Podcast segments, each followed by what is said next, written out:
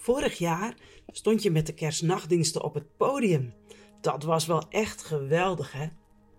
Meerdere mensen die ik dit jaar in de kerk tegenkom, refereren er nog even aan. Ze bedoelen het goed en ik vind het lief. En ze hebben ook gelijk. Het was inderdaad geweldig. En eh, dit jaar, uh, doe je dit jaar ook wat? De vraag komt er een beetje voorzichtig uit. Soms lijkt het alsof mensen denken dat er dan weinig anders aan kan tippen. Zelf ervaar ik dat niet zo. Tuurlijk, vorig jaar was geweldig. Maar de plek, de plek zelf, is niet de essentie. Het gaat er in essentie niet om waar je staat of wat je doet. De essentie voor mij is samen met God. Samen met God stappen in een avontuur wat Hij met ons wil aangaan. En dat kan op elke plek.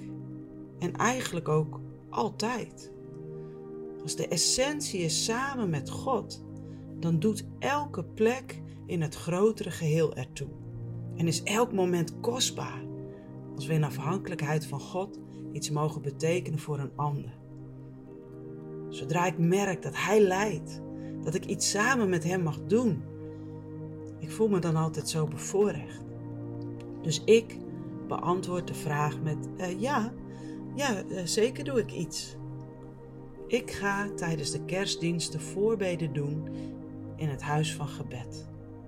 Dat doe ik eigenlijk al jaren, behalve vorig jaar. Toen kon dat niet. Terwijl ik nog wat rondloop, vlak voor mijn shift begint, zie ik onze kinderen. De beide meiden helpen in de hal. Onze oudste zoon zit in het decorteam, stylish gekleed in het zwart. En de jongste let buiten op de vuurkorven. Ik zie hoe ze mensen begroeten, soms een gesprekje voeren, mensen naar hun plek begeleiden, hout op het vuur gooien of na de laatste dienst met een glimlach een bekertje chocolademelk aanreiken. Kijk alsjeblieft. Erik, die de hele avond parkeerwacht was, krijgt ook een bekertje. Al een aantal jaren doen wij dit als gezin. De ene avond een dienst beleven, de andere avond dienen. Eerder waren onze jongsten nog wat jong en stonden ze bijvoorbeeld een deel van de avond bij een van de andere gezinsleden. Maar dit jaar is het full on. Ieder heeft een eigen plekje. Je schouders ergens onder zetten laat je groeien. En het is onder de vrijwilligers ook vaak heel gezellig. En ik hoop en bid dat ze iets van die essentie samen met God gaan leren kennen. Net voordat ik het huis van gebed in wil stappen, zie ik toevallig iemand staan die ik ken.